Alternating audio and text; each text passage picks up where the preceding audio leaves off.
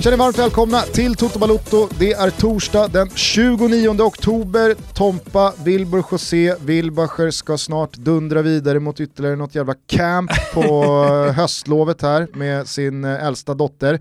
Så att eh, det gäller att ha tryck i grejerna idag. Det ska bli ett snabbt, rappt, informativt, kort, koncist Champions League-toto. Eh, andra gruppspelsomgången är till ända och jag tänker att du kanske bara ska riva av ett snabbt svep så är vi igång. Jajamensan, jag ska för övrigt till Tom Tits. Har du några känslor kring Tom Tits, Gugge?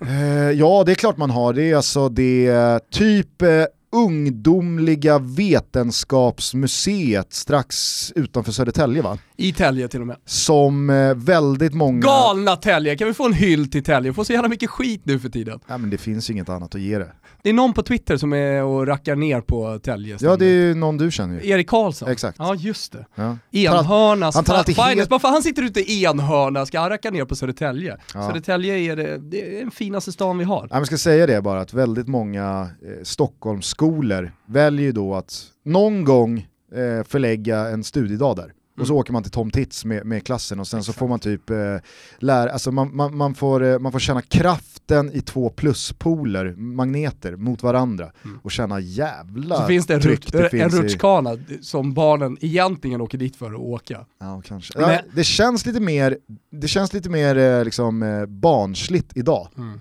På, på min tid, när jag gick i högstadiet, Mm. då var det ändå lite liksom, nivå på grejerna. Mm. Nu känns ju Tom Tits mer som ett jävla jippo. Vi får se, jag kan ju avlägga rapport då på måndag se om det blir ett tips eller inte. Eller så skiter vi bara i det. Men jag är så trött, jag måste bara säga det när vi ändå pratar om Tälje, jag är så trött på att alla vill åka till ljusa städer. Det ska liksom vara Florens och det ska vara Rom och det, det ska vara på kvällarna upplysta monument. Jag vill ha mörka, gråa städer. Jag älskar att vara i Brescia till exempel och Mm. vara på Stadio Rigamonti. Alltså jag tar mig gärna till har Inga problem med att det, vinden eh, liksom slår i ansiktet och det är iskallt och det, det är grått och det är landstinget över hela staden. Södertälje, det är en riktig stad för riktiga, äkta människor. Jag vill minnas att du var i Borlänge i somras eller våras någonting med familjen. Jag var där på, på lovet. Ja, Mm. och du avla en rapport i någon WhatsApp-grupp där du sa att liksom, hur står människor som lever i Borlänge ut men alla- med både sig själva och sitt liv? Jo all, all, Här hade jag blåst skallen av mig efter en vecka vill jag minnas att dina exakta ord var. Att, men alla känner ju till liksom att eh, Borlänge är Sveriges tråkigaste stad eller vad det nu har blivit, eh, fulaste stad kanske det är. mm. Ja. Det är väl- det är väl både fult och sen så är det mycket droger. Eh, och så är det mycket, Nödvändigtvis inte dåligt med andra ord. mycket självmord tror jag också. Ja det är dåligt. Hur som helst, eh, Södertälje borde få mer cred än vad Södertälje får just nu. Allting handlar bara om kriminalitet och skit. Det finns väldigt mycket bra, till exempel att gå in på Kringlan va? och äta en kebab. Ja. Tälje kebab. Goda såsen. St- Starka, starka såsen. Isbergssallad. Isbergssallad. Goda köttet, där har vi det. Pitabrödet. Ja, Du vill ha ett svep. det vill jag. Ja, här kommer det. Det blev en rivstart för underdogsen på tisdagen. Borussia Mönchengladbach tog ledningen mot Real Madrid, Shakhtar höll fortet mot Inter, Mittgyllan nollade Liverpool över 45 minuter, Atalanta åkte på en riktig kalldusch mot Ajax och Salzburg tog ledningen mot ett sömnigt Atletico Madrid. Var det skrällarnas afton? Skulle favoriterna hamna i gungning? Skulle allt skita sig? Lugn. Allt skulle ordna sig, i alla fall delvis. Real hittade lilla krysset i Tyskland tack vare två übersena mål av världens just nu tredje bästa nia Benzema samt Casemiro. Gott så. Liverpool skulle till slut komma igenom danskens täta försvarsnät och lösa tre poäng. Atalanta gjorde som eh, Real och jagade till sig oavgjort och Diego Simeone, ja, han gick faktiskt hela vägen fram till seger 3-2. Inter, trots virken som skakade, fick bara 0-0, men budskapet är fortfarande hur tydligt som helst. Det blir inga stora skrällar under hösten. Det är lugnt, Gusten. På samma spår då på tisdagen så vann City enkelt på velodromen i Marseille. Bayern la sig med hela sin tyngd på Lokomotiv Moskva tills den ryska luften helt enkelt tog slut och Porto, ja de slog grekerna från Pireus. Tjoff till onsdagen, den stora dagen då får man väl ändå säga, även om jag faktiskt hade roligare på tisdagen. Planenliga seglar för PSG mot Erdogans lilla idrottsprojekt Mästarna Başakşehir efter doppietta Moise Keane. Jaha, varför skulle PSG köpa den oduglingen? Chelsea gav svenskarna i Krasnodar, Olsson och Berg från start, fyra öronringande lavetter. Dortmund vann mot Zenit efter mål av Jadon Sancho och såklart Haaland. Sevilla löste 1-0 mot Rennes och Ferencvaros kunde på Madridvis hämta upp 0-2 inför en maxad kurva hemma mot Luchescos Dynamo Kiev. Vi avslutar svepet med att slänga upp ett fett treårskontrakt till Ole Gunnar. Nye Ferguson va? Ja, vi snackar livstid nästan nu. 5-0 mot Leipzig smäller ju faktiskt precis så högt i styrelserummet i Manchester. Vad Agnelli, Paratici och Nedved gör med Pirlo vet jag inte. Men tipset till det lilla fotbollsgeniet från Brescias utkanter är att surfa in på ranstad.se för karriärsoptimering och arbetssök. Det gäller att vara på tå hörni. Det gäller att ligga i framkant och äga sin egen framtid. Hör du det, Andrea Pirlo?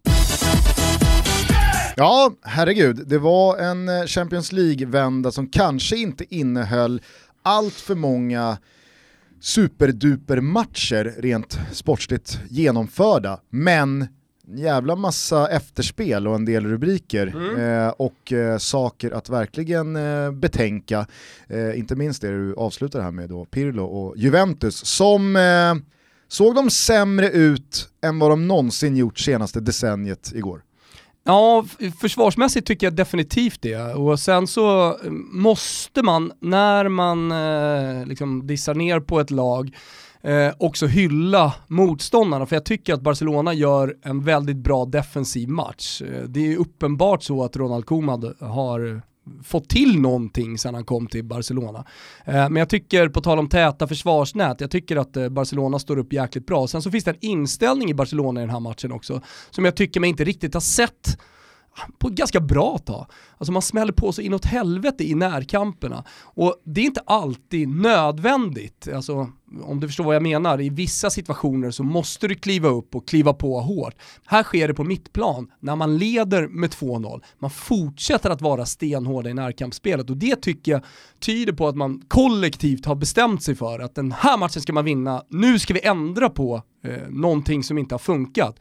Så att målen i all ära, chanserna som Barcelona skapar i all ära, men jag tycker att det är inställningen som, som i alla fall får mig att tro på Barcelona eh, lite mer den här säsongen än vad jag, än vad jag gjorde innan. Mm. Ja, vi var ju ganska tuffa mot Barca i måndags, med all rätt tycker jag då. Mm. Eh, men eh, herregud, jag såg ju också matchen igår och jag, jag håller med dig. Det, det var ett Barca som var bra och det var ett Barca som såg, som du nämner, på ett helt nytt sätt tända ut. Och det tror jag absolut går att härleda både till då förlusten i El Clasico, för en sån förlust kan man inte bara följa upp med en ny eh, förlust eller en ny plattmatch.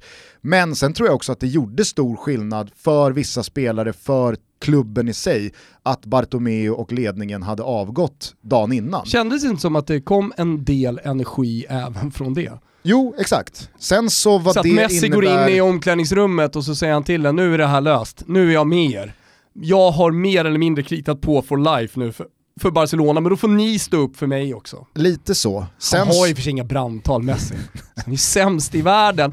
Eh, utifrån hur bra att... man är som fotbollsspelare och hur dålig man är på eh, brandtal, där mm. är ju Messi högst upp. Men man vet att Jordi Alba tycker att Messi är 5 plus även retoriskt. Jordi Alba sitter ju bara och skakar på huvudet. Jävla vass retoriker. Vilken, ja. Vilken talare han är. Samtidigt som det sitter andra spelare i det där omklädningsrummet och bara alltså, Messi sätt dig ner nu, vi fattar ja, fast budskapen. inte jättemånga. Fast inte jättemånga. Det är många i det där laget som inte vet vad en bra talare är. Och då tänker du på vilka tränare de har haft innan också? Ja, eller lagkamrater eller liksom, mm. eh, alltså Frenkie de Jong. Då... Frenkie de Jong vet inte vad en bra talare är. Han, vet, han har aldrig sett liksom en, en, eh, en riktigt vass retoriker. Du, du, har rätt i det, gå igenom spelartruppen här nu i mitt huvud. Ja. Det, det, det, finns ingen som har hört ett jättebra brandtal tidigare. Nej nej, det, de, Osman Dembélé. Vad, vad, vet, vad vet han? Hela laget vad sitter och applåderar. Fem, vad vet han om fem plus-tal? inte ett smack. Messi hade inte kommit långt i Italien. Nej. I ett Conte-omklädningsrum så hade Messi inte haft mycket att hämta. Nej, men jag skulle bara säga det, att jag, jag är också medveten om att eh, Bartolomeus avgång och, och, och ledarskiftet i Barca behöver ju inte innebära någon slags stärkt aktie för Koman, snarare tvärtom. Att när det väl kommer en ny ledning så ska Xavi eller någon annan tränare säkert in på posten. Så att Koman fortsätter ju bara leva på lånad tid. Men det fanns en energi i det här som jag tycker även avspeglade sig på Ronald Koman och hans sätt att stå vid sidan om igår. Eh, jag tror att det också hjälper till att det är ett Juventus man möter, att man, eh, man, man får chansen att direkt resa sig från, eh, vad är det nu? Nej, det slår mig nu att förlåt men du, du är mitt i ett resonemang men det, slår mig nu att när Messi kommer till Juventus Stadium och ska hålla sitt lilla brandtal där i omklädningsrummet så har ni lilla fusklappen med. Så när han ställer sig upp och alla blir tysta, då liksom lite... lite Jordi Alba hyschar ju de andra. Messi, fingrar han upp snacka. ett, ett A4-papper, det, det är inte den här lilla lappen utan Nej. det är ett A4-papper och så börjar han läsa innantill på dålig... Då. Riktigt svagt. Men När, när han ska trycka till, han han har då, eh, som man gör när man skriver svep och, och, och tal, att man eh, kanske markerar det med fet stil eller med versaler. Att här, här ska jag trycka på bröstet, det har Messi också gjort, men, men Han betonar fel ord. det lyfter aldrig. det lyfter aldrig. Förutom, ja, ja. förutom, Felbetonade ord, det är han ju expert på. förutom hos Jordi. Så- Jordi han skakar på huvudet. Lionel! Var var du någonstans? Förlåt. Eh, nej men jag, jag tycker att eh, det var ett Barcelona som även då från, från Koman-håll kändes eh, ja, men, eh, uppfyllda Ja, ja. av en ny energi. Men om vi ändå ska vara ärliga så landar i alla fall jag i hur fruktansvärt svaga och dåliga Juventus såg ut än att det var Barcelona som spelade någon fantastisk fotboll där Juventus inte hade en chans. Jag tycker också att en sekvens verkligen understryker hur illa ställt det är i Juventus och det är i slutet av matchen när Ansu Fati frispelas och är helt naken från närmre än straffpunkten.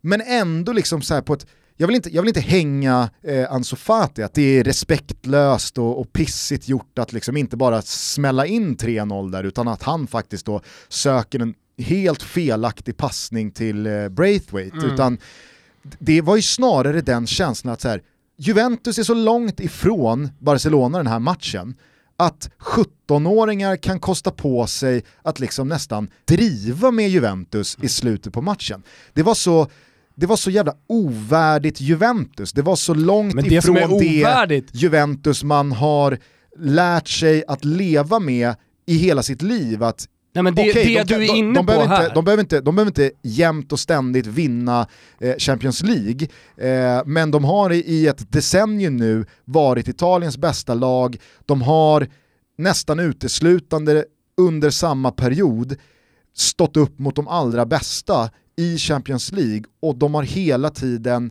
gjort det med en, en sån självklar karaktär av att det är vinnare. Igår såg Juventus ut som ett gäng jävla förlorare. Mm. Det, det, det, och det var, det var länge sedan jag såg Juventus ut som förlorare. Ja, men det som måste vara beklämmande för Agnelli och Paratici och Nedved i ledningen, det är ju försvarsspelet. Och då ska det sägas att De Ligt är skadad och att Chiellini är skadad, men det är fortfarande ett lag man har byggt med vetskapen om att Chiellini börjar bli till åren, han har varit långtidsskadad och eh, nyss, men mer eller mindre i alla fall om han är 36 år, kommer tillbaka och det finns fortfarande frågetecken kring hans fysik när säsongen började. Eh, De Ligt och på väg tillbaka, spelar väl snart från start i, i Juventus och, och det är ju en spelare man verkligen saknar. Men det, det, må- det måste vara beklämmande att se den jävla hönsgården som Juventus försvar var igår. Och då är inte bara vid målen, utan från minut ett, alltså när Griezmann smäller den i innerstolpen. Då har det varit eh, tre, fyra minuter med yra höns. Mm. Och jag menar så här, om man ska efter den försöka där se stolpträffen så har någonting... du också en sån här situation när de kommer fyra mot tre och det slutar med att, alltså så här, Chesney är ute vid straffområdeslinjen och liksom sprattlar efter bollen och Griezmann håller inne och avslutar. Men det kändes bara som att, alltså, det såg ut som att det stod 5-0 till Barca Mm. hela matchen igår. Nej men det som hela tiden, det, det du är inne på här, det är ju att eh, man är van att se Juventus resolut, råa, välkalibrerade i försvaret, de vet vad man har varandra, man står rätt i positioner och nu så ser du en jävla hönsgård. Det är det som måste vara så, så otroligt beklämmande för Agnelli att titta på, för det, det, det är ju vad, vad Pillo har skapat, faktiskt. Mm. För att man kommer ifrån eh, Sarri och då kanske man kan tycka att Juventus spelade dåligt och sådär, men det var fortfarande välkalibrerat. Det var, det var fortfarande ganska rått i närkamperna när det behövdes vara rått. Alltså, nu, nu har man, sen Hellas Verona-matchen, sprungit och gnällt på domaren. Nej, men du, du, du, såg ju matchen eh, mot, mot Verona. Alltså, det är en Juventus-bänk som står och skriker på domaren i 90 minuter för att man tycker att Hellas Verona är för tuffa i närkamperna. Käften och låt domaren döma, smäll på själva då. eller spela ut dem.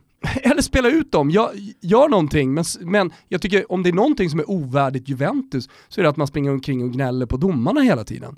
Mm. Nu har man ju visserligen en domarhistorik som man skulle kunna prata varmt och länge om. Men, men, eh, men även i den här matchen tycker jag att det blir alldeles för mycket fokus på det. Och sen så kan man också då kanske som Juventus-supporter vända och vrida på det och prata om eh, millimeter eh, offside. Nu var det inte millimeter, men, men på Morata, tre mål. Eh, men de är fortfarande ganska klara de offsiderna. Alltså de är inget svåra att ta för en linjedomare. Nu, nu väntar man in VAR för det är så man ska göra, men, men jag är helt övertygad om, och gamla skolan eh, linjemän hade tagit alla de tre offsiderna. Mm.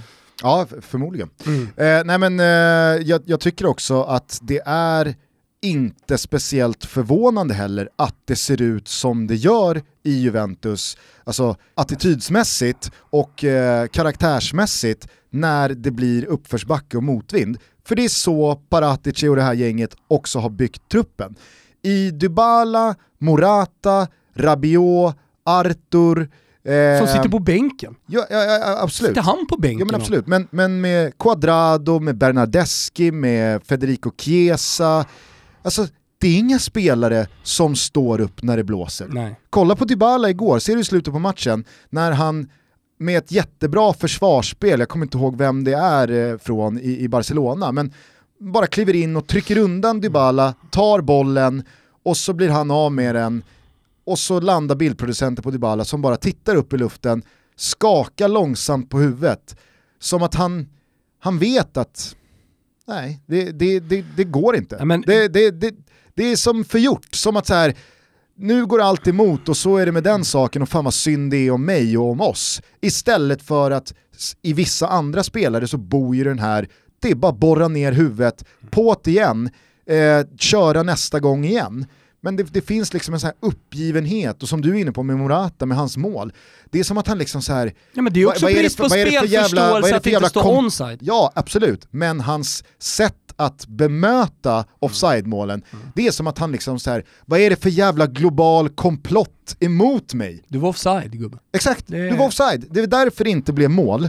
Och det är därför inte... Men vad är det för bygge som Juventus har? Det ska ju sägas att det hade blivit en annorlunda match med Cristiano Ronaldo. Det är ju en spelare att ha och inte ha som är otrolig. Eh, men eh, på bänken, med vetskapen om att det fanns ett par skador då, så sitter då eh, Bernardeschi som uppenbarligen inte håller Juventus mått. Det har man sett under flera år. De Winter, koll på honom? Nej, Belgan. Eh, jag kan det sommar. Frabotta har du ju lärt i alla fall namnet, ja. men det är ju det är liksom, ja om Frabotta spelar Benevento, mm, Ja, Okej, okay. ja, då, har du inte, då har du inte lyft på ögonbrynen. Du har McKennie som gjorde en bra match eh, i, i debuten. Och, då, och, och, så ska man väl vara ärlig och säga det så här. Var, var, det, var, Kulusevski var ut, otrolig? McKennie in. Var det en otrolig Nej det var den verkligen inte. Du har Pinsolio, mm. du har Portanova, du har Riccio och så har du då Ramsey. Alltså det är bänken som Juventus ställer upp med, med ett par skador, men det får alla lag räkna med att det finns skador i en trupp under en säsong. Ja, ja. Och eh, när man då byter ut Kulusevski som uppenbarligen springer torrt på bensa, för det gör han ju. Mm. Han är ju trött jag, jag, jag, jag, tyckte det var uppenbart igår. Alltså, han har matchats, matchats hårt och han hade inte riktigt samma klipp i, i steget, han var inte riktigt lika klar i huvudet. Ställs dessutom då mot det bästa motståndet hittills i, i Juventus och då blir det tuffare. Har man inte fullsmetad tank då, då, då, då, då blir det liksom sådär. Mm. Men vad, vad, har man då på bänken att sätta in? Ja, men Bernadeschi kliver in och tar en straff. Liksom. Ja, det, det, är på något sätt signifikativt liksom, lite för hans tid i Juventus kan jag tycka. Den är så usel, den liksom, duellen. Ja, det. Och sen vad så, tror han sen ska så hända? ersätter man Kulusevski med McKennie. Tror han att han ska kunna ta bollen av en spelare när han liksom lägger bröstet på ryggen på Mm. någon i fart? Men jag tycker hur som helst när man kollar på Juventus att man fortfarande inte då ser vad är det för Juventus som Pirlo är på väg att, att bygga. Det är hönsgård, det är eh, ett jävla gnäll på domarna och eh, det är allt som oftast ganska statiskt framåt. Allting ska lösas med individuella prestationer. Och det är så man har vunnit de matcher som man har vunnit, men, men nu har han ju blivit Mr X och till Mr Förlust, eh, jag vet inte vad han är i, idag i, i, i Italien, men det blir väl en ny Pirlo. men Och så här, alltså, Pirlo- det, det är hönsgård i försvaret. Pirlo det är har- för dåligt eh, offensivt också. Man kan inte möta de bästa lagen på det här sättet. Pirlo har två vinster på plan. Mm. En hemma mot Samp och en mot Dynamo Kiev. Sen så har han tre poäng mot Napoli från skrivbordet. Men det är ju vad han har svart på vitt. Eh, det, det ska ju dessutom sägas när man då brasklappar för Juventus bortfall i Cristiano Ronaldo, Chiellini och så vidare. Absolut. Barca dyker upp här utan Ter Stegen, utan Piqué, utan Busquets, utan Coutinho, utan Ansu Fati i startelvan. Så att det var ju inte det, det, var, det var inte det bästa Barcelona kunde ställa på benen som joggade ut på Allianz Stadium heller. Och ändå, nej men jag... jag, jag Nu blir det jävligt neggigt mot eh, Juventus. men det ska eh, det vara en sån här absolut, dag efter men- en sån här tid. För jag, jag tycker helt ärligt att Juventus behöver nog, de behöver stämma i bäcken Mm. med Pirlo omgående. Att så här, Andrea, har du koll på, Andrea, har du koll på vart det här är på väg? Mm. För att, eh, alltså, så som det ser ut just nu, Ronaldo kan absolut... Mm. Kommer ju, de, alltså det är det som är Ronaldo grejen, kan de absolut kommer ju komma- räddas av Ronaldo. Han kommer ju räddas av Ronaldo. men, men inte över tid på samma sätt som i fjol. Nej. Inte en chans, för laget är för dåligt. Laget är för rörigt där bakom. Ronaldo kommer kunna göra ett och två mål eh, per match, men så som Juventus ser ut nu, alltså som sagt, 0-2 var ju i rejäl underkant, tycker jag. Sen kan Mo- Morata ha lite flax med någon marginal och, och någon kasse framåt kan trilla in. Men det var ju snarare en 4-0-seger för Men det är inget Barcelona igår. mästarlag som springer där ute och bara för att spika in den sista spiken i Juventus-kistan i det här avsnittet så får väl Ronaldo komma och rädda dem framöver här. Eh, så är det ju eh, Bonucci som jag har tänkt lite på. Vem är Bonucci utan Chiellini, Barzagli vid sin sida? Eller Chiellini och, och, och någon till. V- Vem blir han i ett sånt där svagt eh, Ju- Juventus-försvar? Han, han, det är inte han som lyfter igår. Han, han kanske ser ut som en ledare i sitt kroppsspråk och... och Men det är ju för att han har Demiral, Danilo och Quadrado runt sig. Ja, men, men jag tycker fortfarande, eh, och, och då kan jag ta liksom Milan-tiden också med i det här. Vilka hade han vid sin sida då? Hur såg Bonucci ut i Milan? Jag tycker han är för svag. Ja, han kan inte leda ett försvar. Nej, det, det, det, det saknas väldigt mycket i Demiral, detta Juventus. håller han på med då? Han måste ju slipa till sig. Det är ju kvartssamtal med, med eh, Agnelli Mm. idag. Alltså hur fan kan han gå in på det där sättet, medvetet sparka ner en, en motståndare och ta sitt andra gula kort och förstöra, förstöra, om han hade förlorat ändå, men ändå förstöra för laget eh, på det sättet. Han har ju varit så het länge nu. Pratar de med honom? Finns det någon eh, försvarstränare i Juventus som kliver in och berättar för honom att sådär kan man inte spela om man är i Juventus? Ja. Det är alldeles för lite Juventus över det här Juventus och då förstår alla vad jag menar. Mm.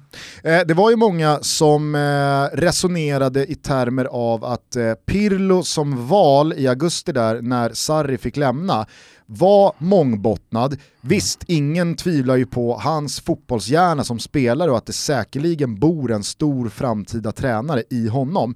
Men det är Ja, det fanns de som tvivlade om det också. Om det också. Ja, kanske, absolut. Men det är oavsett vad man har för förutsättningar alltid så att det är inte bara att ta steget rätt in på den största scenen som tränare och direkt leverera. Vissa har, gjort det, vissa kommer göra det igen, men väldigt många behöver sina hundår, sin gavetta, eh, sin erfarenhet från att eh, liksom lära sig om tränaryrket också Absolut.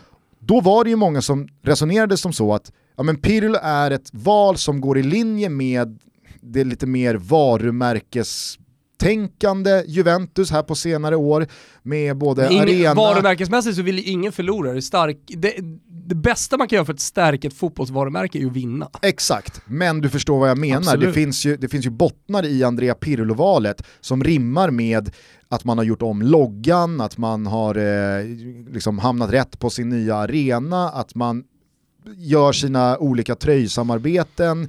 Det är ju en kommersialisering mm. av klubben där Pirlo är ett mycket mer rimligt val än att fortsätta med en sig-fimp-tuggande Maurizio Sarri som ingen utanför Italien egentligen vet vem det är. Nej. Och då räknar jag med att han att faktiskt han var, att han var i Chelsea. Ja. Är, han är fortfarande en gåta för väldigt många. Ja. Eh, ja, men så, det är två olika ansikten. Ja, så med Pirlo så fanns ju hela tiden lagret av att ja, men i våran expandering till globalt världsherravälde där vi ska kunna tävla med Barcelona och Real Madrid och Manchester United och så vidare, så är det här ett bra strategiskt val. Men i valet av Pirlo så fanns ju hela tiden den här asterisken att okej, okay, men om det skiter sig sportsligt då?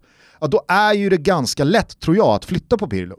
Och jag tror att vi börjar närma oss där. Alltså. Ja, vi får se. Jag, jag tror att det Han får kliva ner och ta U23 och göra sin gavetta. Allegri och Pochettino är redo. Alltså Allegri som han skulle styra upp det här laget. Ja, men eller och det hur? vet ju Juventus. Eller hur? Mm. Och han har väl, han har väl flörtat eh, ganska mycket med eh, en eh, Juventus-comeback. Ja på senare år. Ja, alltså, han är ju arbetslös och uppenbarligen så vill inte britterna ha honom. Nej, och Pochettino har gått, han, alltså, Pochettino har gått arbetslös i ett år nu. Ja. Det kommer inte bli Real Madrid för att Zidane kommer liksom, han, han, kommer, han, nej, han kommer lösa det där. Mm eh, Man vet det när han börjar hota om avgång och sen vinner El Clasico.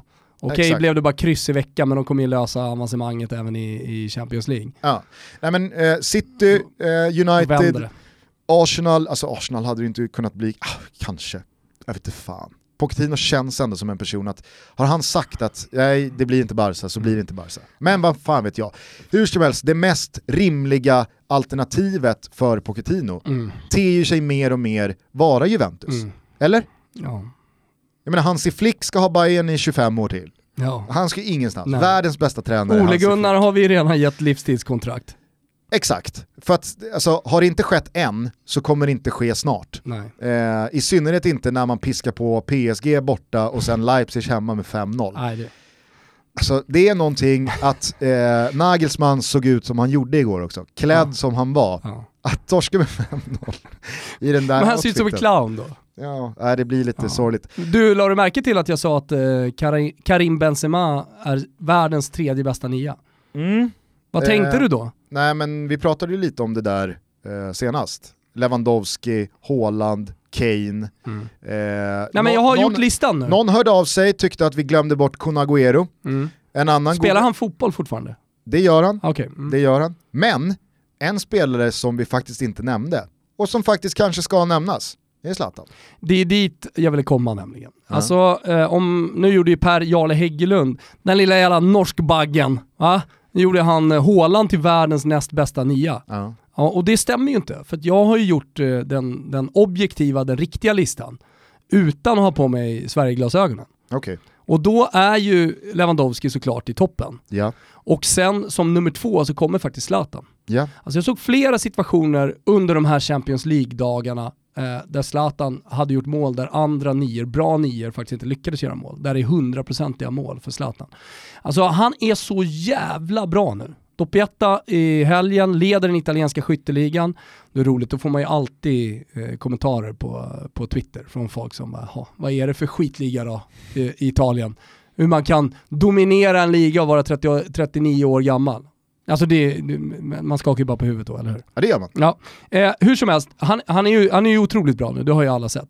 Och så börjar man ställa honom då mot Kane, mot Benzema, mot Lewandowski och då landar jag i att han är världens, just nu, näst bästa nia. Och att Karim Benzema kommer på tredje plats. Med hans erfarenhet, hur viktig han är för Real Madrid, eh, men hur bra han är i det övriga spelet också. Han kommer precis tätt före Haaland.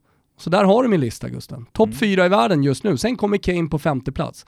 Finns något sömnigt över Kane, tyvärr, som gör att han, att han halkar ner något hack? Nej, alltså, såg man, såg man eh, Tottenhams match mot Burnley i måndags kväll? Var har du honom då i, i topp femman? Ja. Eh, Kane är eh, två. Före Zlatan? Jajamän. Jag får knappt luft här. Ge mig syrgas. Nej men alltså Harry Kane är, det är sån jävla superspelare. Det jobbet han lägger ner, de, de, de liksom... Han är inte på planen för att lägga ner Är det någon berg-argumentation här från dig? Ju... Han jobbar det, hårt. Du, det skulle jag säga. Kane jobbar hårt. Jag skulle säga, Skiter fullständigt i hur hårt han jobbar. Jag skulle säga att det kanske är det som gör Karim Benzema till den han är. dåligt. Nej, men Karim Benzema är ju defensivt en av de absolut mest underskattade anfallarna i världen. Ja, ja. Sen är han Det en, är, alltså, här, det är, det är en jävla vass, på en redan det är en jävla vass avslutare och han har sina offensiva spetsegenskaper, absolut. Men Karim Benzemas smartness i det defensiva spelet, så som han kan pressa en, en, en backlinje, så som han kan styra upp spel, han är otrolig. Topp 5 José är Lewandowski, Zlatan, Benzema, Haaland, Kane. Topp 5 Gugge är Lewandowski, Kane, Zlatan, hålet. Nej, Zlatan, Benzema, hålet. hålet femma. Hålet femma. Jag gillar det. Eh, och då ska jag säga att jag är ju en ruskig sucker för eh, hålet. Alltså. Ja. Vi är sponsrade av våra vänner på K-Rauta och nu drar färgveckorna igång med 20% rabatt på ett stort urval av färg och tapet. Jag kan ge er first hand information. Det är att kalkfärg, det är det nya svarta. Är det så? Ja, Alltså för att det ser ut på ett visst sätt eller eh, på grund av kvaliteten eller vad är, vad är grejen? ah, det är inne. Okej, Det är hett. det är vad du vet Det är the shit. Jag misstänker att det är Rebecca, din Yes. flickvän, som eh, har tipsat om kalkfärg. Kalkfärg styr Du snor hennes tips bara. vårt liv. Ja. Du, eh, får man passa på när man ändå håller på och tipsar och tipsa om eh, projektplaneringen som finns på K-Rauta, Gusten. Om man till exempel ska måla om då, nu när det är färgveckor och ja, men fundera lite kring vad är det som behövs här? Ska man spackla? Ska man slipa? Vad behöver man för prylar? Ja, men då kan man bara fråga K-Rautas fantastiska personal när man är inne. Det tycker jag är ett kanontips. Det finns faktiskt ett tredje tips här och det är att följa K-Rautas Instagram. Mm. Där hittar man massa inspiration och det finns dessutom en rad veckotävlingar att vinna fina priser i. Den här veckan till exempel så kan man tävla om att vinna färg. Så att följ K-Rauta på Instagram, ta hjälp av deras projektplanering, besök krauta.se eller något av alla varuhus runt om i landet. Och så har vi riktigt trevliga färgveckor tillsammans. Jag tror att vi ska poängtera här och vara lite tydliga kring att det är alltså 20% på ett stort urval av färg och tapet där ute. Det är många som vill, vill åt de här rabatterna Gusten. Så nu vet ni det och vi säger stort kitos till K-Rauta som är med och möjliggör Toto Balotto. Vi är denna vecka sponsrade av Telia och Telia erbjuder just nu dig ett tv-paket som heter duga.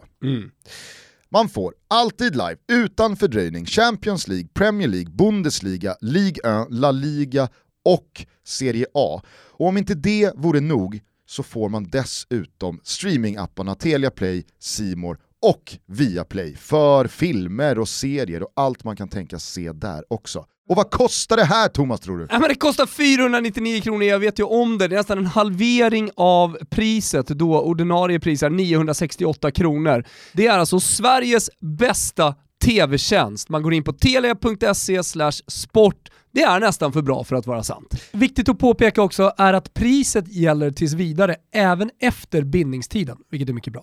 Telia.se sport, det är den enda adressen du behöver för att hitta hem. Mm. Vi säger stort tack till Telia för att ni är med och möjliggör Toto Balotto. Stort, stort tack. Ja men då så, då har vi klarat av eh, varsina eh, topp femmer här vad gäller nior i Europa, kanske rent av världen. Men med det sagt då, tror du det finns en rimlig chans att Juventus faktiskt agerar på Pirlo om det fortsätter så här eh, resultatmässigt ett par matcher till?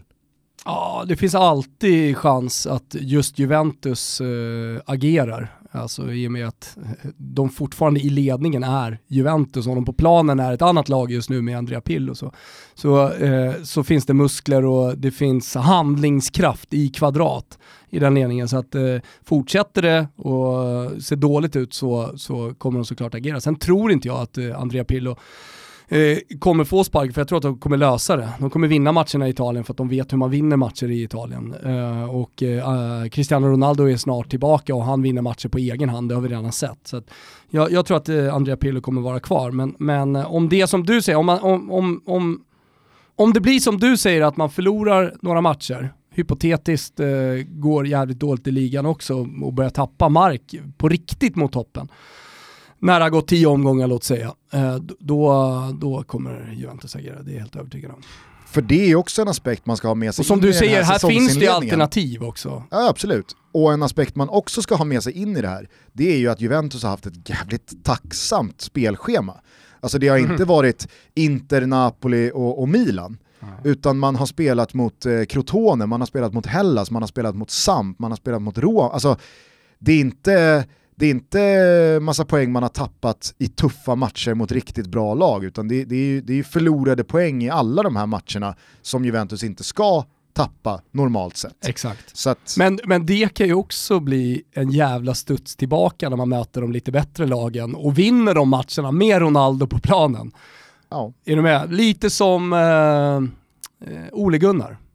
Faktiskt. Liksom, gör dåliga matcher och sen så kommer då PSG och man får Leipzig semifinalist i Champions League och så bara brakar in fem mål och man vinner över PSG. Då, då, då blir det sån jäkla studs tillbaka och helt plötsligt så ska Pirlo höjas till skyarna. Ja. Nej, men eh, om, om vi switchar över då till Old Trafford så Mm. måste jag säga att eh, jag, jag, var, jag var fan mäkta imponerad av United igår.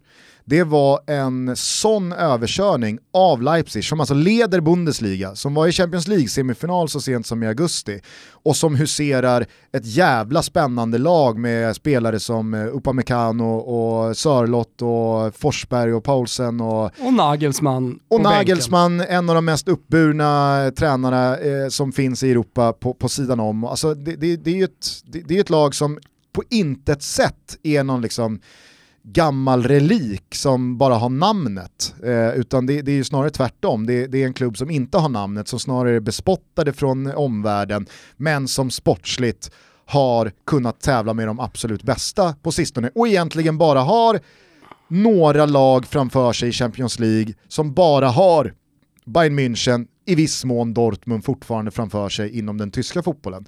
Så att det, det, Men du det, minns ju hur de vann i somras. Det var genom att spela en ganska sprudlande fotboll. Ja, ja. Och släppa in en del mål, men man gjorde fler mål framåt än vad motståndarna gjorde. Därför tycker jag att man ska, måste kunna hylla eh, försvaret också i, i Manchester United. Alltså dels stå emot PSGs jävla monsteranfall och eh, Leipzig också som, Mm. som, har, som har, är ganska framtunga normalt sett med eh, Nagelsmann. Ja, jag måste också säga att det här var ju matchen då det kanske kickstartades en säsong för Paul Pogba. Detta vandrande mysterium Mm. Martin som... Åslund ville ju få det till att eh, det var en matchbild som passade Paul Pogba väldigt mycket. Samtidigt som Ola då protesterade lite och menade på jo men du kan ju se en energi och du kan ju se passningarna som han lägger och, och sådär. Ja. Ja, här är jag ju då lite team Ola då. Mm. Eh, jag hörde inte just den diskussionen. För jag vill, Ja, men Martin vill, menade på att just matchbilden i den här matchen och någon tidigare match som man pekade på var lag som Paul Pogba gillar att möta. Alltså, det- taktiskt så är Leipzig eh, ett lag som Paul Pogba är bra eh, normalt sett i.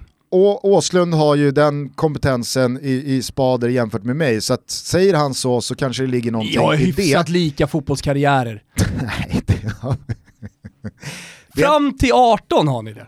Har han tränat Bele i division 2? Nej men det har inte jag heller. Vilka var du tränare då? Bollstanäs. Bollstad.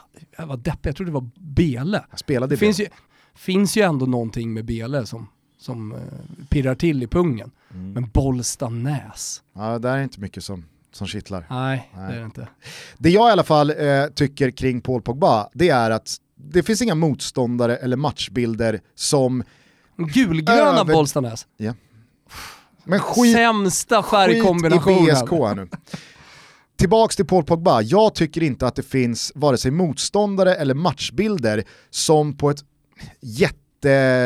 spektakulärt sätt skulle passa Paul Pogba bättre eller sämre, utan det är ju en spelare som när han trycker på gasen, när han tar tag i den där bollen och börjar kliva, börjar driva och visar med hela sin aura att hej boys, nu är det bara ge mig löpningarna, eh, nu är det bara gå dit eh, ytorna tar er för att eh, nu, nu, nu, är, nu är poggen här. Nu är poggen sugen, nu kör vi. Alltså, han kan ju vara så dominant i matcher både i det fysiska spelet, i det tekniska spelet, i, i avgörande pass, alltså som igår. Det, det, känns märkligt att det skulle vara, ja men det är Leipzig som passar mm. honom så bra. Han såg ut att vilja någonting mycket mer igår än man har gjort i väldigt många matcher. Och sen så har det ju funnits sådana här stunder tidigare för honom också i United, där han, alltså så här, bland alla Rashfords och Bruno Fernandes och, och eh, Martial, så är det fortfarande han som lyser starkast. Det man glömmer bort lite med Paul Pogba är ju hans små stunder av briljans. Som när han är i form, när han är som bäst, när han får ut maximalt av talangen. Är det som gör liksom skillnaden från att bara, bara inom citationstecken, vara en spelare som täcker mycket yta, en positionssäker eh, spelare, en bra passningsspelare. Just det här att liksom, han, han kan faktiskt driva förbi en motståndare, han kan alltså i Juventus, skjuta från distans och göra ganska många mål. Och han kan lägga fram de här briljanta eh, passningarna. Han kan också så, leda. Som Pjanic, Pillo-typen, han har det spelet i sig också. Ah, ja. Det tycker jag man såg igår. Absolut. Sen så är det ju så jävla störande att se Paul Pogba över tid. Mm. Att han tillåter sig själv ha de svackorna han har. För att det är inte liksom så här, äh, men det, det, det studsar lite stolpe ut för honom, utan han ser ju ut som en annan spelare. Han ser inte ut att vilja vara där. Men snabbare, starkare, smartare, exakt. mer briljant. Det, när man ser Paul Pogba spela fotboll som igår, så, så fylls i alla fall jag främst av frustrationen så här, var, var, varför, gör du inte, varför gör du inte bara alltid så här? För att det han visar upp igår, det är ju sånt som man kan plocka fram varje gång man spelar fotboll. Eh, det handlar inte om eh, någonting annat än bara eh, sig själv. Men det jag tycker United då, liksom, accentuerat av Pogbas insats igår, visade upp var ju att man precis som Ole Gunnar faktiskt började orda om ganska tidigt den här säsongen, att vi behöver fyra fem matcher, för det har varit en jävla speciell säsong, det var en tuff sommar för oss och det var ett Europa League-slutspel som, eh, som tog kraft och vi har haft en konstig försäsong med alla grejer som har hänt utanför plan med Greenwood och Maguire och hela den här Jadon Sancho-soppan som bara drog ut på tiden och som slutade med ingenting och tre, fyra spelare in sista dagen och där satt man ju skakade på huvudet att hur fan kan Manchester United vara i den här situationen? Mm. Hur kan en sån jätte tillåta sig att hamna där? Men de hamnade där, Ole Gunnar Solskär pratade om att vi, vi behöver... Vi ska vara ärliga och säga att Toto Balotto vill ju sparka Ole Gunnar. Ja. innan landslagsuppehållet. Absolut. Det bästa för United var, var att sparka. Och nu, nu vänder man ju. Kappan efter vinden. Nej. Kappan efter den norska bondkatten. Precis. Nu har han bränt ytterligare ett liv. Ingen riktigt vet hur många han har kvar. Nej. Det vi i alla fall vet det är ju att United... Kan inte någon räkna ut det? United kommer ju snart gå in i en, en pissig period igen och, och, stå för ett par horribla insatser, torska och så ska det börja ordas igen om... Alltså det skulle inte förvåna mig nu om man torskar mot Basakshir.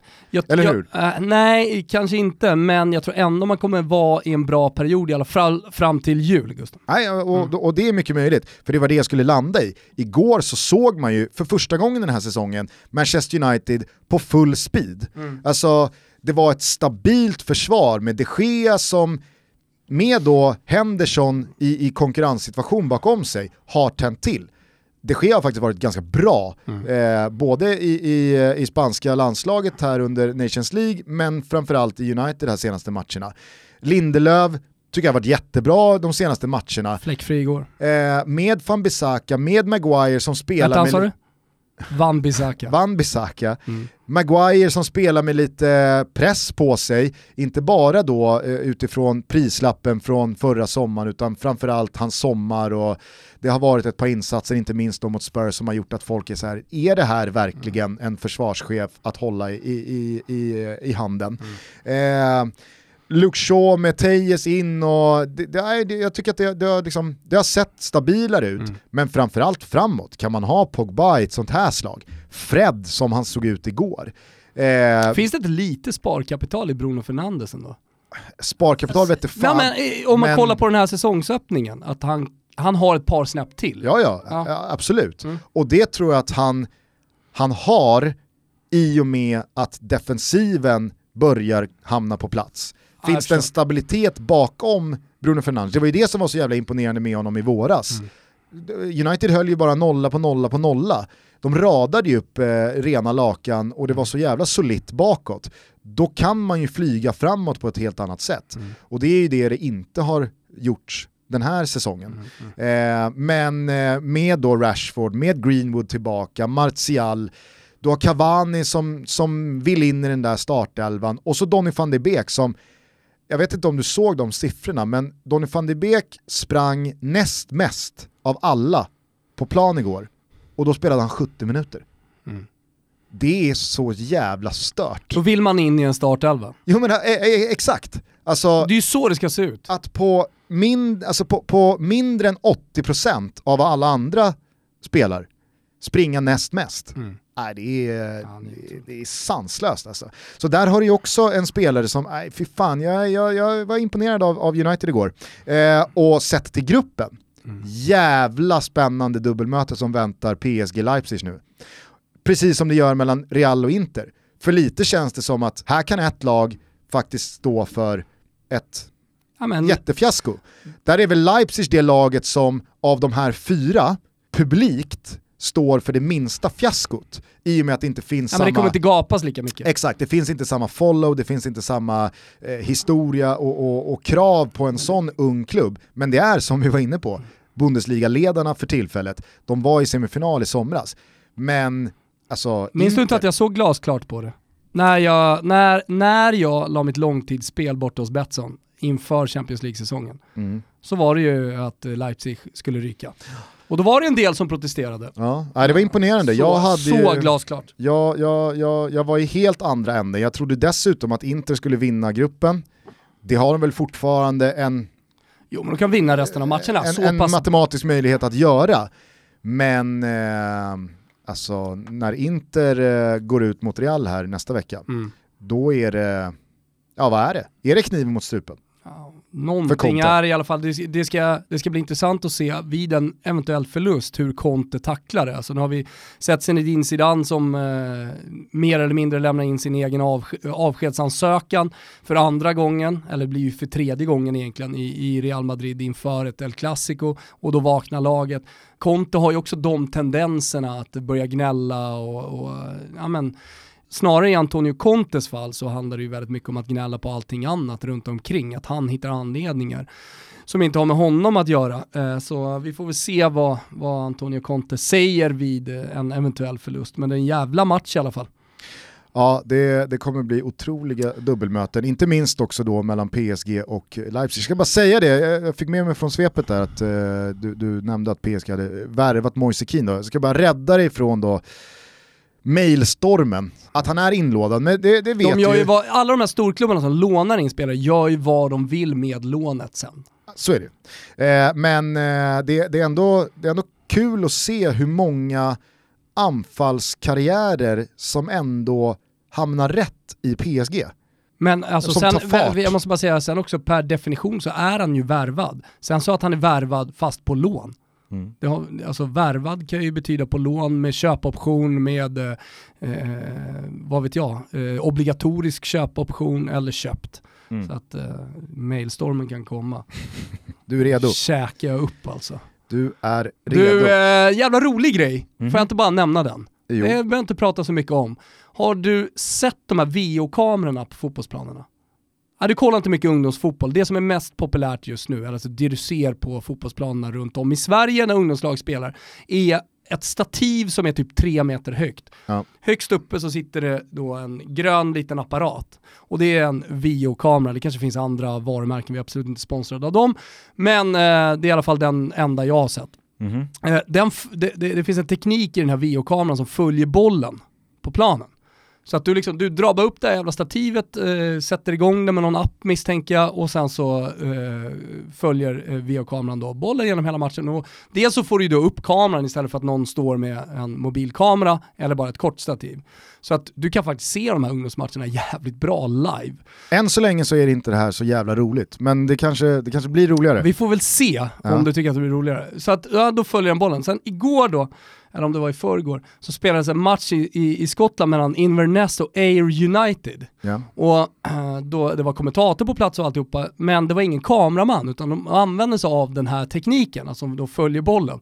Eh, och då har de en skotsk linjedomare som, eh, som är blek som en fotboll, alltså vit i hela skallen och har ju inget hår. Mhm. Så att det, det, blir ju det blir jobbigt för den här VO-kameran vad, vad han ska följa, bollen eller linjedomaren. Det slutar med att den här VO-kameran bara då följer eh, den här skotska linjedomaren som har en bo boll till skalle på huvudet. Kritvit jävla skotte utan hår och kommentatorn får då ursäkta sig för, och kan ju inte lösa det. det är, tekniken är där, de kan Ja, inte är- göra någonting åt det. Jag hade inte heller kunnat lösa det. Nej, jag tänkte bara, alltså, det, det är någonting de får, det är någonting de får utveckla. Kommer Hade- Michael Bradley ut på planen, ja men då är det ju lätt att eh, VO-kameran hittar hans skalle istället för bollen. De hade ju kunnat smälla på honom en keps eller något. Ja, det, det är väl lösningen på problemet då, någon Ja. får springa ner och smälla på någon keps. Ja, kanske det. Vi är denna vecka sponsrade av Kia, Sveriges tredje största bilmärke som idag stoltserar med att över 50% av försäljningen är laddbar och sen 2018 så är Kia störst på laddbara bilar. Vad skulle du säga Thomas, är det bästa med att köra en eh, plug-in hybrid från Kia? För du har gjort det på sistone. Jag tänkte säga brum brum, men eh, så låter det inte när man kör på elen. Det är Nej. ju helt tyst och det är väl det jag skulle landa i. Alltså dels så vet man, vet man om att det är liksom för en hållbar framtid. Eh, man kör på el och den går då den går då genom kommunen till skolor och till fotbollsplaner och till teatrar eh, med eh, tjejerna på elen. Upp till 49 km kan man köra med en sån här plug-in hybrid som jag har. Och det, det, det är liksom brukkörningen Gustav. Men det, jag gillar ju det här härliga tysta. Du vet, du bara trycker på, trycker på gasen så kommer du framåt. Så att jag, skulle, jag skulle säga det, det är det bästa känslan att köra på el. Det slår mig nu att din yngsta dotter Florence, hon kommer eventuellt växa upp och vara någon som imiterar en bil, inte liksom Vrum, vrum, exakt. utan hon är bara tyst. Då imiterar Så här hon. låter en Kia Niro. Så här låter en Kia Niro. Eller bara,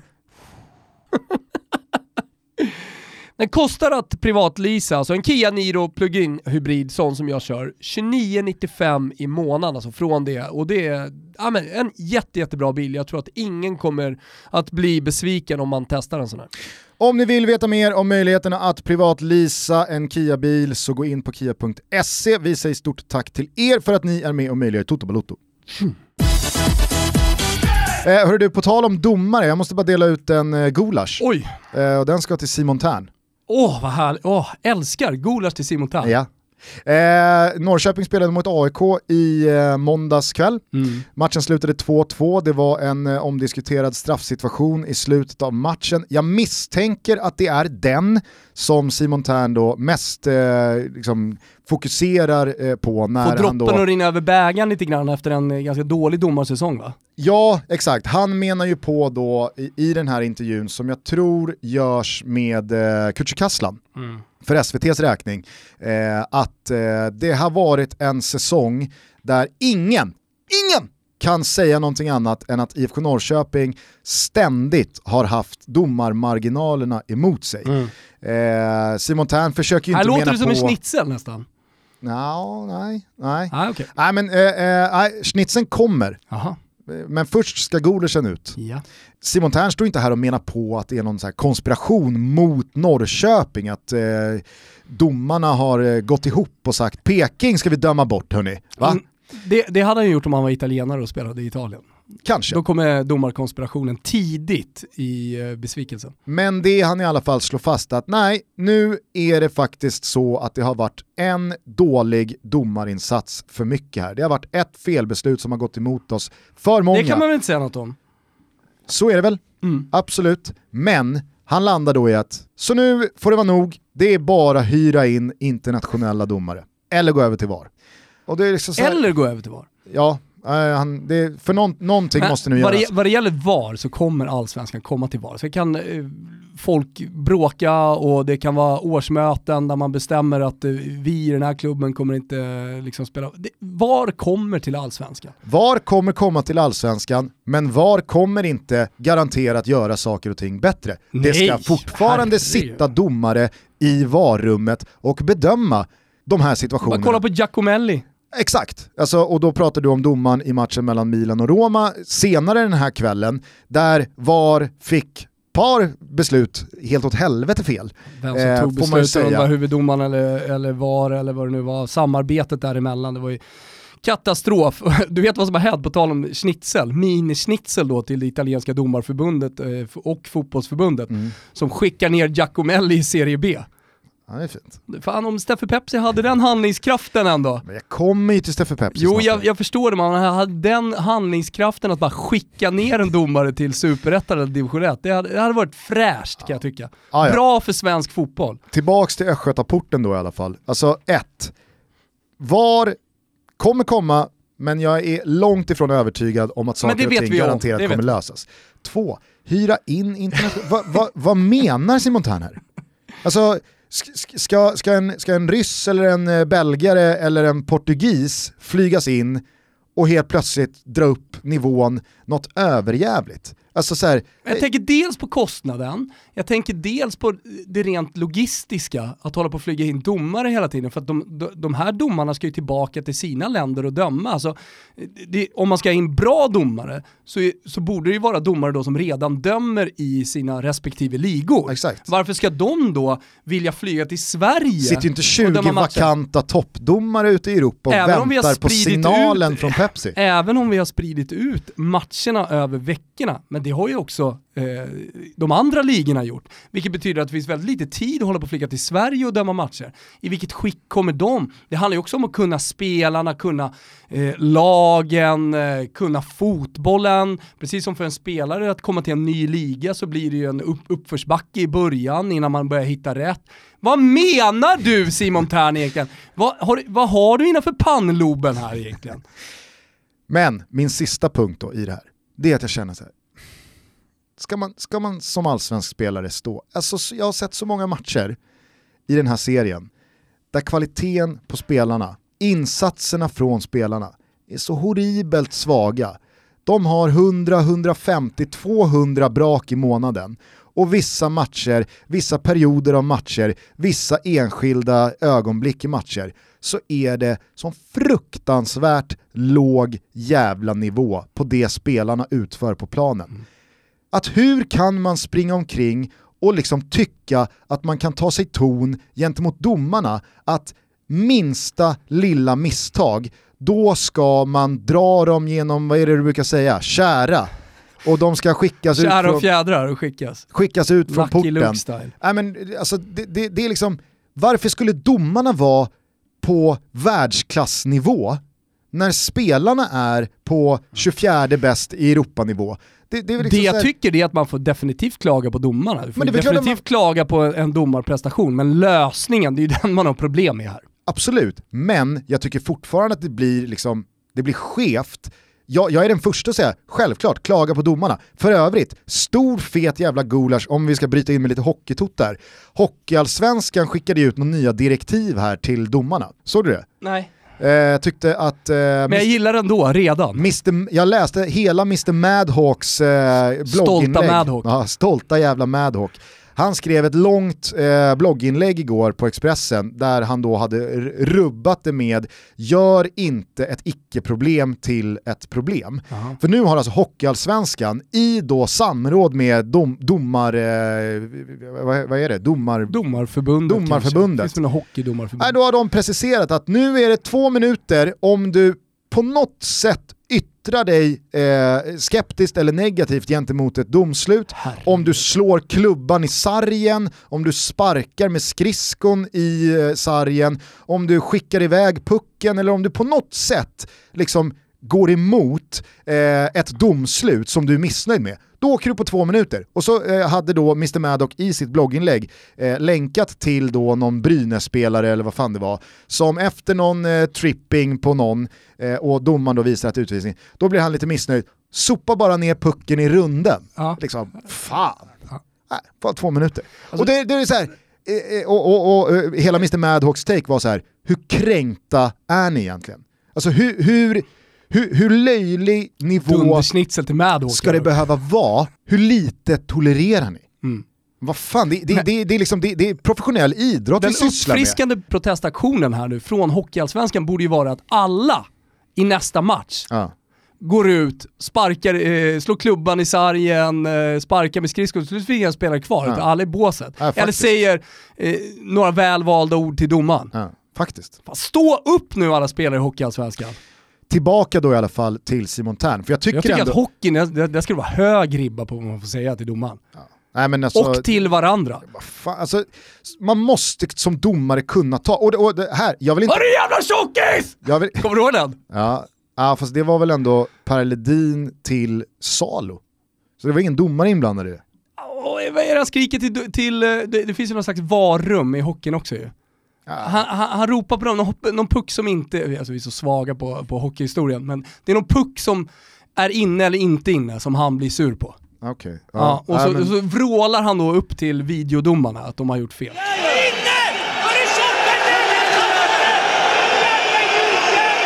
Det är ju den nivån hockeyn ska vara på. Alltså Per Ledin till Salo, där vill vi ha hockey. Vem var det till? Ja, men Salo. Det är mycket snack på dig. Ja, inte så speciellt, men, nej, men någon, eh, snart är eh, råttet mogat alltså. Ja, absolut. Eh, Men det, det är väl ändå Petter Lassu Nilsson som, som är, liksom, när han vill mörda. Ja, ja. När han tappar det. Ja, det är bara att kasta domarna åt helvete. Vad fan. Vi, vi får regler före säsongen. Gör allt som står i vår makt att inte ta sig in på målet. Alltså det är bara att glömma, ta bort... Gnäller att vi har folk på lite på, på matcherna. Jag kommer att sluta som tränare. Jag kommer aldrig att... Det här är, jag, kommer, jag kommer att lägga av som tränare, jag lovar, här och nu. Kasta domarna åt helvete och eh, ge mig böter om jag vill. Jag tycker det är så jävla dåligt. Domarrummet kan de sluta med också. Eh, jag, inget kritik mot er Simon, men domarna är så jävla beige och domarrummet kan man dra åt helvete. Jag förstår att, att du är Nej, du besviken. förstår inte hur besviken jag är. Jag skulle kunna, dra, jag skulle kunna mörda i det här tillfället faktiskt. Jag är så fruktansvärt jävla irriterad.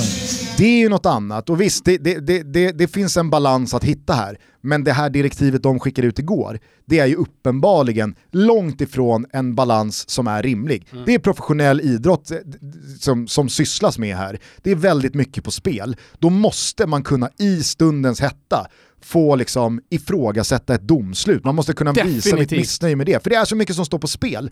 Sen så lägger sig känslorna, man lugnar ner sig, man säger så här, i efterhand så kommer man kunna 99 gånger av 100 ta varandra i hand och säga det var väldigt mycket känslor där, men det förstår alla Nej, inblandade. Det, det är så det ser ut. Rugby-style med den tredje halvleken, man mördar varandra ute på planen, sen så går man blåslagen, blodig och jävel och käkar lunch ihop på närmaste bar. Men det jag har problem med i Simon Terns resonemang här, det är ju att han verkar helt liksom, immun mot att spelarna där ute, de kan leverera hur många horribla misstag som helst under en match, under en säsong. Det är ingen som ifrågasätter deras eh, rättighet att vara på den där plan. Men domarna, varför skulle inte de göra misstag? Varför skulle inte de göra misstag? Nej men, jag, okej, men till eh, originalsnitsen här Ja men, Tom då, ringer. nej, men då, då blir det ju schnitzel då till Steffe Pepsi som då får, som domarbas i Sverige, får bemöta de här eh, anklagelserna eller förslagen då från Simon Tern att vi ska hyra in internationella domare. Äh, han är tydlig där, det är pajasåsikter. här är Simon Tern en pajas, det är Steffe Pepsis enda budskap. Ja, och eh, jag ska säga så här, det är inte ofta man står på domarnas sida och speciellt inte efter en säsong som har varit där det har varit eh, ja, men, svag domarnivå. Men här, där står vi definitivt på Steffe Pepsis sida. Schnitzel! Det gör vi. Och så blir det en li, liten leberknödelsuppe till Skottland då med, med videokameran som hittar, som hittar Ja, va, va, bollen till vad nu skallen. det var, Vad nu det var. Vad nu en leberknödelsuppe är. Det är någonting. Det är någonting, vi vet inte riktigt vad än, men någonting är det.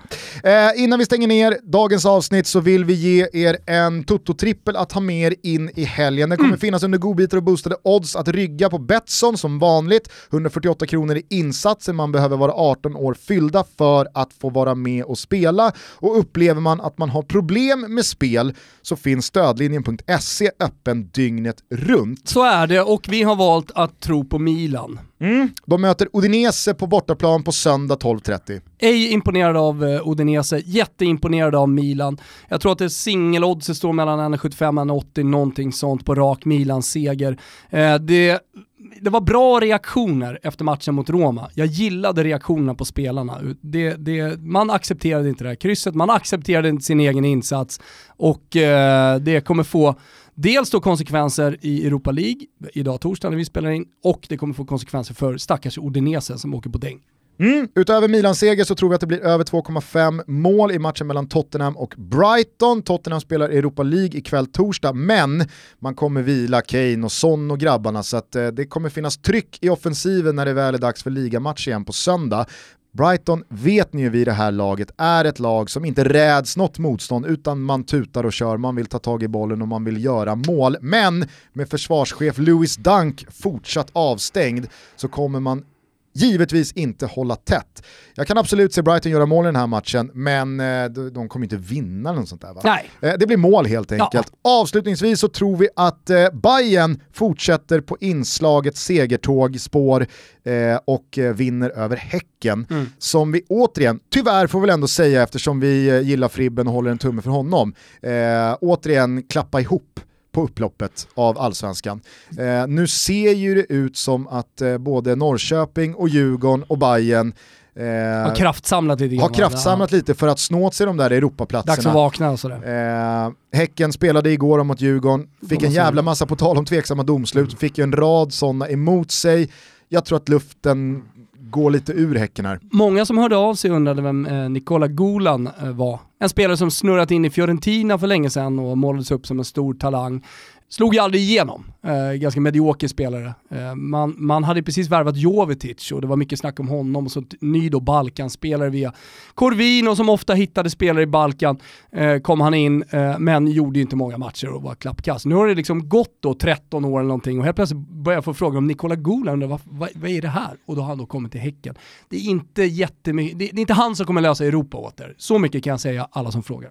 Vi tror i alla fall på rak seger för Hammarby mot Häcken. Ja. Och det är våran trippel. Eh, vi säger stort tack till Betsson för att ni är med och möjliggör Toto Balutto. Nu så ska du åka till Tom Tits. Ja. Eh, jag rekommenderar alla att knäppa på Fotbollssöndag Europa på söndag. Då är det nämligen Derby della Lanterna. Sampdoria mot Genoa. Ranieri har eh, skjutit en jävla massa liv i det Sampdoria som du och inte. många andra dömde ut inför säsongen. Mm. I fotbollslabbet så ska vi ställa Quagliarella mot Pandev. Va? Du vill höra Fantomen gå loss på ja, den det vill head jag fan. Headen. Det vill jag. Så att, eh, häng med oss på söndag, 19.30 öppnar vi eh, butiken eh, som vanligt på Simor. Missa heller inte för guds skull eh, Top Dog, serien som är baserad på Jens Lapidus böcker som nu finns på Simor. Den är ruskigt spännande, det är fan inte bara jag som tycker, utan till och med Zlatan Ibrahimovic har ju skickat ut sin förkärlek till den här serien och kallat den för tung. Säger Zlatan att den är tung, ja men då är den tung. Går att streama nu. Trevlig helg! Trevlig helg, tack för att ni lyssnar. Fortsätt lyssna, vi är tillbaka på måndag, då ska vi ta ner en jävla superhelg och så ska vi göra Never Forget också Gusten. Du ska prata om vem då? Om El Hadji Diouf och eh, Senegals VM 2002. Fan vad kul. Mm, det blir det. Eh, vi hörs snart igen, ciao! Ciao tutti!